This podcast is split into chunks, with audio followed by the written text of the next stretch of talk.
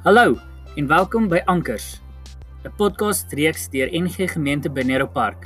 Hier voer ons gesprekke oor Jesus, die Bybel, genade, geloof en hoe ons lewens God eer.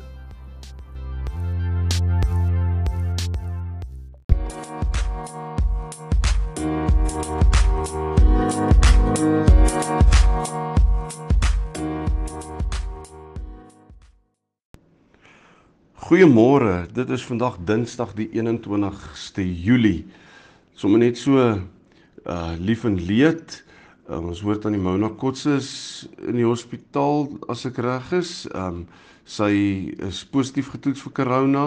Dan ook Tokkie van der Walt se seun Manna en sy vrou en hulle dogters is ook positief getoets. En dan um gaan tannie Annetjie hulle uh sy gaan vir 'n operasie hier Vrydag iewers en Willem ook net daarna of om en by 'n daangewing. So ons wil ook sommer vir hulle sê baie sterkte. En ook ons hoor nou maar meer en meer van mense wat positief getoets word, maar ons wil sê sterkte. Ons bly maar by die huis so ver moontlik. Ehm um, en reis net wanneer dit nodig is. En so van reis gepraat. Ons is ver oggend by Handelinge 9. Lees ons waar Saulus, soos hy toe bekend gestaan het nog, was hy op pad Damaskus toe. En daardie ehm um, reis was omtrent so 220 km. So as 'n ou nou werk, jy kon seker tussen 50 en 70 km op 'n dag gestap het. Dan het dit hom 'n paar dae gevat, amper dit kon tot 'n week gevat het om so ver te reis, want hulle het maar gestap.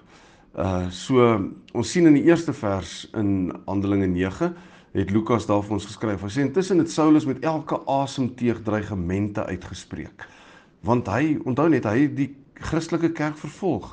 Hy wou die volgelinge van die Here doodmaak en daarom en het daarom na die hoofpriester toe gegaan. Die hoofpriester in Jerusalem vers 2 sê hy het briewe aan die sinagoges in Damaskus gevra waarin hy waar hulle versoek word om hom te help om die wat aan die pad soos wat dit destyds ook in die antieke tyd bekend gestaan het, behoort mans en vroue op te spoor en hulle geboei na Jerusalem toe te bring. En dan ken ons die res van sy bekeringsverhaal hier van vers 3 af.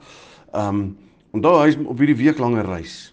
So toe hy op sy sending naby Damaskus kom, soos hier aan die einde van sy reis, lees ons dat daar 'n lig uit die hemel gekom en so aan. Um en hy vra toe uh of die stem kom toe en sê Saul Saul waarom vervolg jy my? En dan antwoord hy in vers 5 om te sê wie is u Here?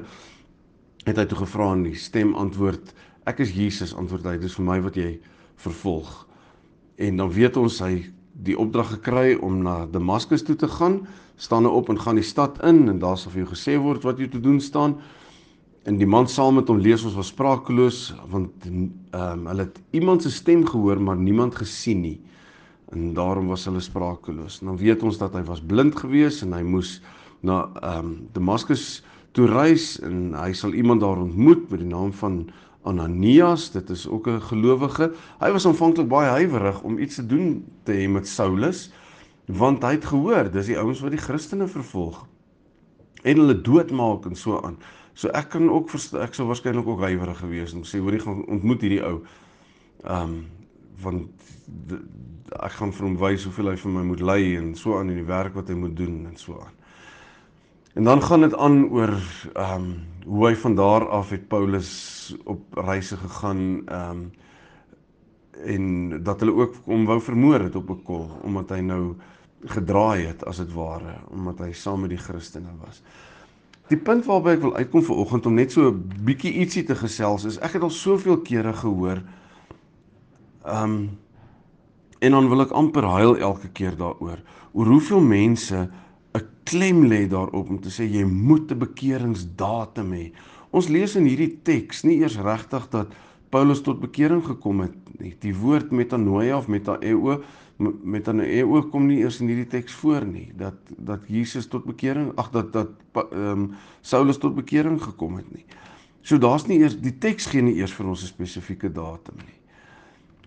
En dan is daar mense wat sê jy moet 'n datum hê anders as jy nie gered nie en so. En daar's natuurlik geen Bybelse verwysing na so iets nie. Dis glad nie glad nie waar nie. Want hulle sê as jy nie 'n datum het nie, het jy nog nie tot bekering gekom nie. Jy moet 'n datum hê en so aan. En ek self het nie 'n datum nie. Ehm um, die datum is nie vir my so belangrik as die dat nie. Hoeveel van ons gelukkig onthou ek dit? Ehm um, kan onthou as ek nou vinnig vir jou vra wat watter datum, watter dag en datum en jaar is jy getroud? Hoeveel sal sommer uit die vuis uit net kan sê? Daai dag en datum en daai jaar. En as jy dit nie kan doen nie, want nou pas ek dieselfde argument van jy moet 'n datum hê anders dien dit tot bekering gekom nie, dan wil ek sê as jy nie jou datum kan onthou nie, is jy nie regtig getroud nie. Dis natuurlik louter 'n snert. Die feit dat ek nie die datum kan onthou nie, beteken nie dat ek nie getroud is nie. Jy weet daar was so 'n dag gewees en jy het 'n ring in jou vinger en um, 'n dokument om dit te staaf.